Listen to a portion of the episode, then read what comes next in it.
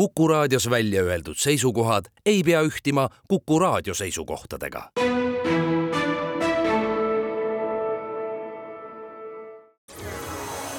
loodusajakiri,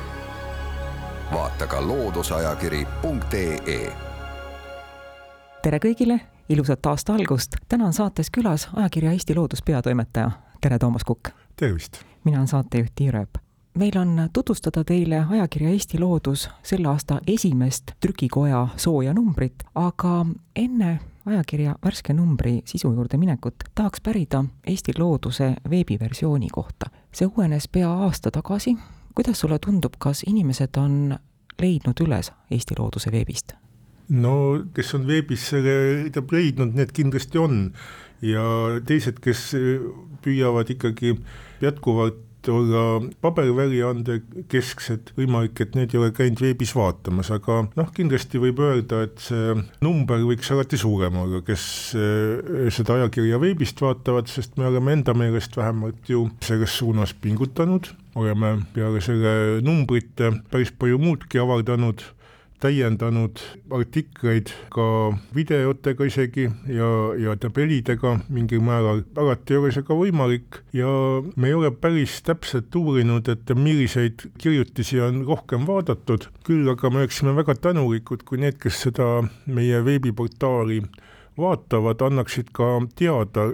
kas neile mingi üks või teine asi seal nii kujunduses, paigutuses, teostuses meeldib või ei meeldi, eks sama on ka selle paberväljaandega, et me tihtipeale peame seda nii-öelda omast tarkusest ennustama, et ega keegi ei tule ju pärast ütlema, et oi, see oli nüüd väga hea või see oli nüüd väga halb, et et sellist nii-öelda vastukaja me ootaksime tegelikult rohkem. nii, nüüd hakkame rääkima ajakirja Eesti Loodus kahe tuhande kahekümne neljanda aasta esimesest numbrist see number annab ülevaate aasta olenditest, saab lugeda aasta loomast,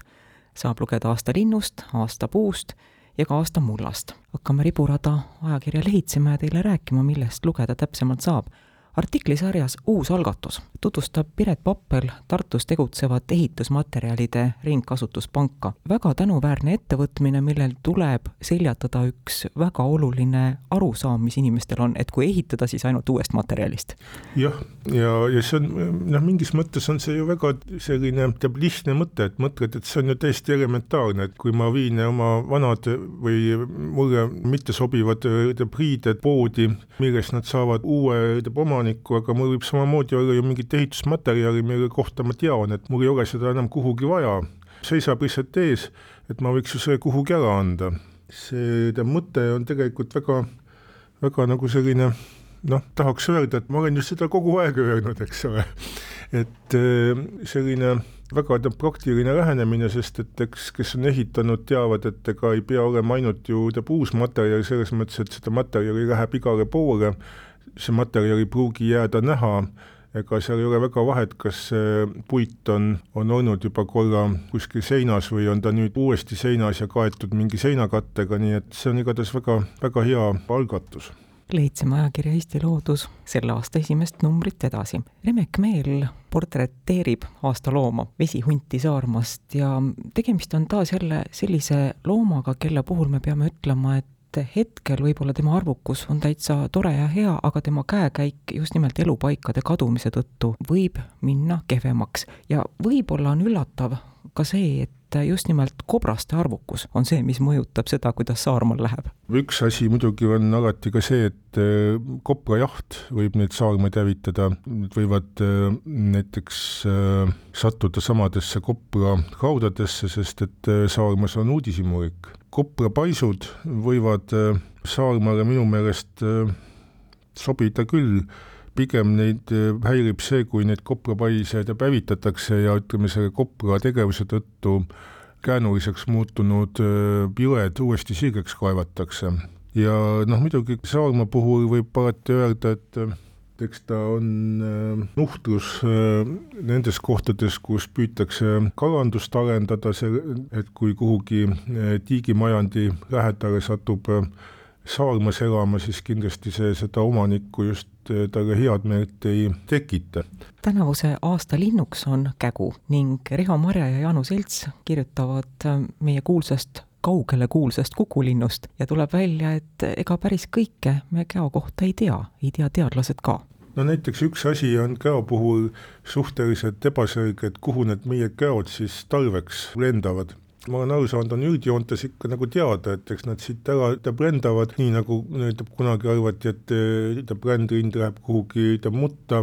talvituma, selliseid seisukohti kindlasti ei ole enam, aga ega see kägu on selline liik, kes nii-öelda inimest ülearu palju pole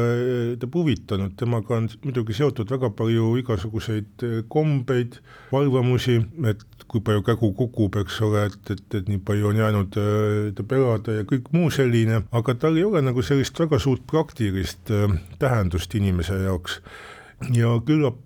ka see, et ta ei ole, ei ole nii väga sage lind Eestis see kõik kokku ongi viinud selleni, et võib-olla ta on meil suhteliselt vähe tuntud, et teame küll neid selliseid silmapaistvaid ja tuntud tahke temast, aga tegelikult eh, kui hakata täpsemalt uurima, siis selgub, et ikka nii üht kui teist oleks veel vaja teada saada.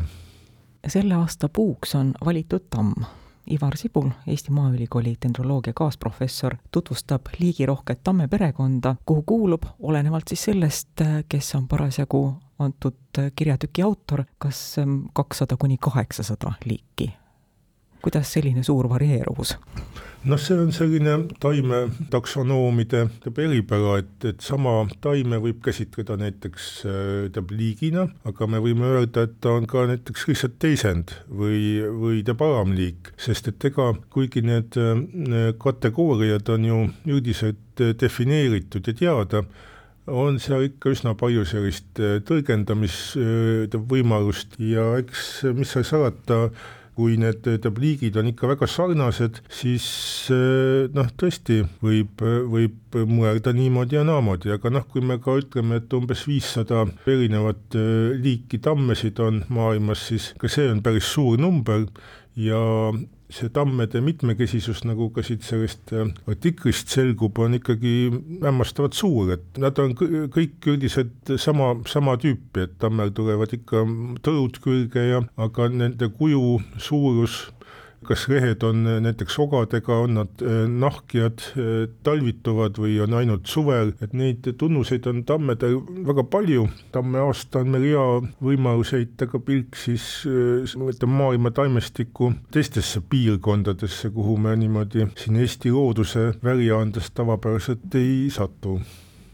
lehitseme ajakirja Eesti Loodus selle aasta esimest numbrit edasi Raimo Kõlli annab põhjaliku ülevaate aasta mullast, leostunud klei mullast, mida leidub kõige enam Pärnu, Rapla ja Läänemaal. ning artiklisarjas Tegutse teadlikult on Martin Tikk võtnud ette ühe väga olulise asja, ka meie jutust on läbi käinud selline sõna nagu nuhtlusisend.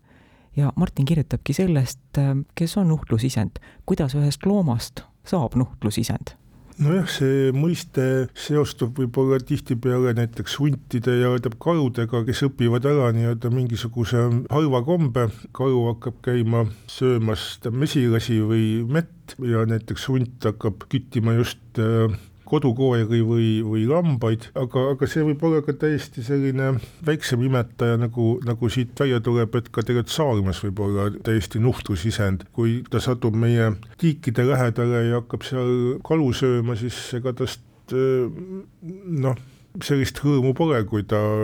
kuskil ütleme metsaojakese kaldal tegutseks, nii et noh, vot see on niisugune teema ka, et ega kui ütleme, elad kortermajas, siis, siis muidugi pole nagu eriti loota, et puutuks kokku saarmaga, kes muutub, eks ole, tähendab nuhtluseks, aga kui sa tegutsed sellises valdkonnas, siis see tegelikult on täiesti oluline teema. anname veel teada, millest saab lugeda ajakirja Eesti Loodus selle aasta esimesest numbrist. siin on vestlusring. see vestlusring on botaanikust, maalikunstnikust või siis maalikunstnikust, kes oli üksiti ka botaanik Heinrich Aasamaast. sina olid üks selles vestlusringis osalenutest, sul on isiklikud kokkupuuted olnud temaga. Heinrich Aasamaa lemmikuteks, ähm, kellega ta tegeles, olid tulikad. oskad sa selgitada, miks ta võis ähm, tulikaid niivõrd armastada, et ta tõesti väga pikalt ja põhjalikult tegeles nendega? Tulikate perekond on pälvinud äh, taksonoomidel ammu tähelepanu, sest seal on väga palju sarnaseid äh, vorme, lehed on veidi erinevad ja kuna nad paljunevad äh, suguta teel, nad ju ei viljastu, et need seemned saaks tekkida, siis need sellised muutused on kõik päranduvad samamoodi põlvest põlve, et kui tekib mingi väike mutatsioon, võib-olla tekib suurem mutatsioon, siis ta säilib, ta ei lähe ristumisel kaduma, selliseid erinevaid teisendeid on ammustest aegadest päris palju teab kirjeldatud, ka Eestis taimesõpradele on teada metstulikas, aga sellest metstulikast on tegelikult saanud umbes kakskümmend erinevat väiksemat nii-öelda metstulikat üldmõiste on ikka metstulikas, aga meil on siiski mitmeid sarnaseid taimi, kelle puhul me võime anda nii-öelda uue teadusliku nime. õigupoolest on Eesti tulikaid selle pilguga uurinud Taugapilsi botaanikud, nagu üldse kogu Baltikumi metstulikaid ja siis avastanud ka Eestist suure hulga uusi liike. Debeini Haasamaa oli väga põnev tegelane, sest eh, tema kui inimene oli väga värvikas ja meeldejääv välja peetud, suurte teadmistega, abivalmis ja tema võib-olla ütleme, botaanikas see kõige suurem panus ongi tema tohutu suur taimekogu, mille ta on pärandanud eh, Tallinnas eh, Eesti Loodusmuuseumile, kus on hinnanguliselt umbes kolmkümmend tuhat eh, lehte verbaliseeritud taimi tema taimekogu omapära oli see, et tal polnud juurde kirjutatud määranguid, sest ta ei tahtnud eksitada teisi teadlasi tegelikult äh, teaduskogudes on ikkagi võib-olla ühel taimel juurde märgitud mitu määrangut, tulevad sellised täiendavad väiksed sildikesed, keegi perekonna hea tundja on näiteks leidnud, et see varasem määrang pole õige, siis kirjutab oma väikse sildikese juurde. selles mõttes see Beinhausamaa lähenemine võib-olla ei olnud jah, päris nagu teaduslik, aga ega see tema taimekogu väärtus selles mõttes ei vähenda, et need andmed taimede rõiukoha kohta on, peaks olema enam-vähem kõik õiged ja, ja teda saab teaduslikus töös väga edukalt kasutada, nii et ta on nüüd Loodusmuuseumisse taimekogu suures osas ka juba andmebaasidesse kantud ja, ja teda saavad äh, botaanikud kasutada. aga noh, peale selle muidugi Asamaa oli mm, päris omapärane kunstnik, artikli juures on mõned fotod tema töödest väga ta mitmekesine botaanik ja kunstnik. nimetame kiiruga veel ära mõned teemad, millest saab lugeda ajakirja Eesti Loodus värskest numbrist. Eesti kihelkondi käsitlevas artiklisarjas tutvustavad Mait Sepp ja Taavi Pae sedapuhku Anna kihelkonda. Triin Nõu kirjutab harilikust sibulast, keda on kultuurtaimena vähemalt seitse tuhat aastat kasvatatud. Ning Andrei Miljutin annab nõu, mida teha, et hiired tuppa ei tuleks ja mida siis peale hakata, kui hiir on tuppa tulnud. aitäh, ajakirja Eesti Loodus peatoimetaja Toomas Kukk saatesse tuleku eest, aitäh kõigile teile, kes te meid kuulasite, head aastat kõigile, jälle kuulmiseni! loodusajakiri, vaata ka looduseajakiri.ee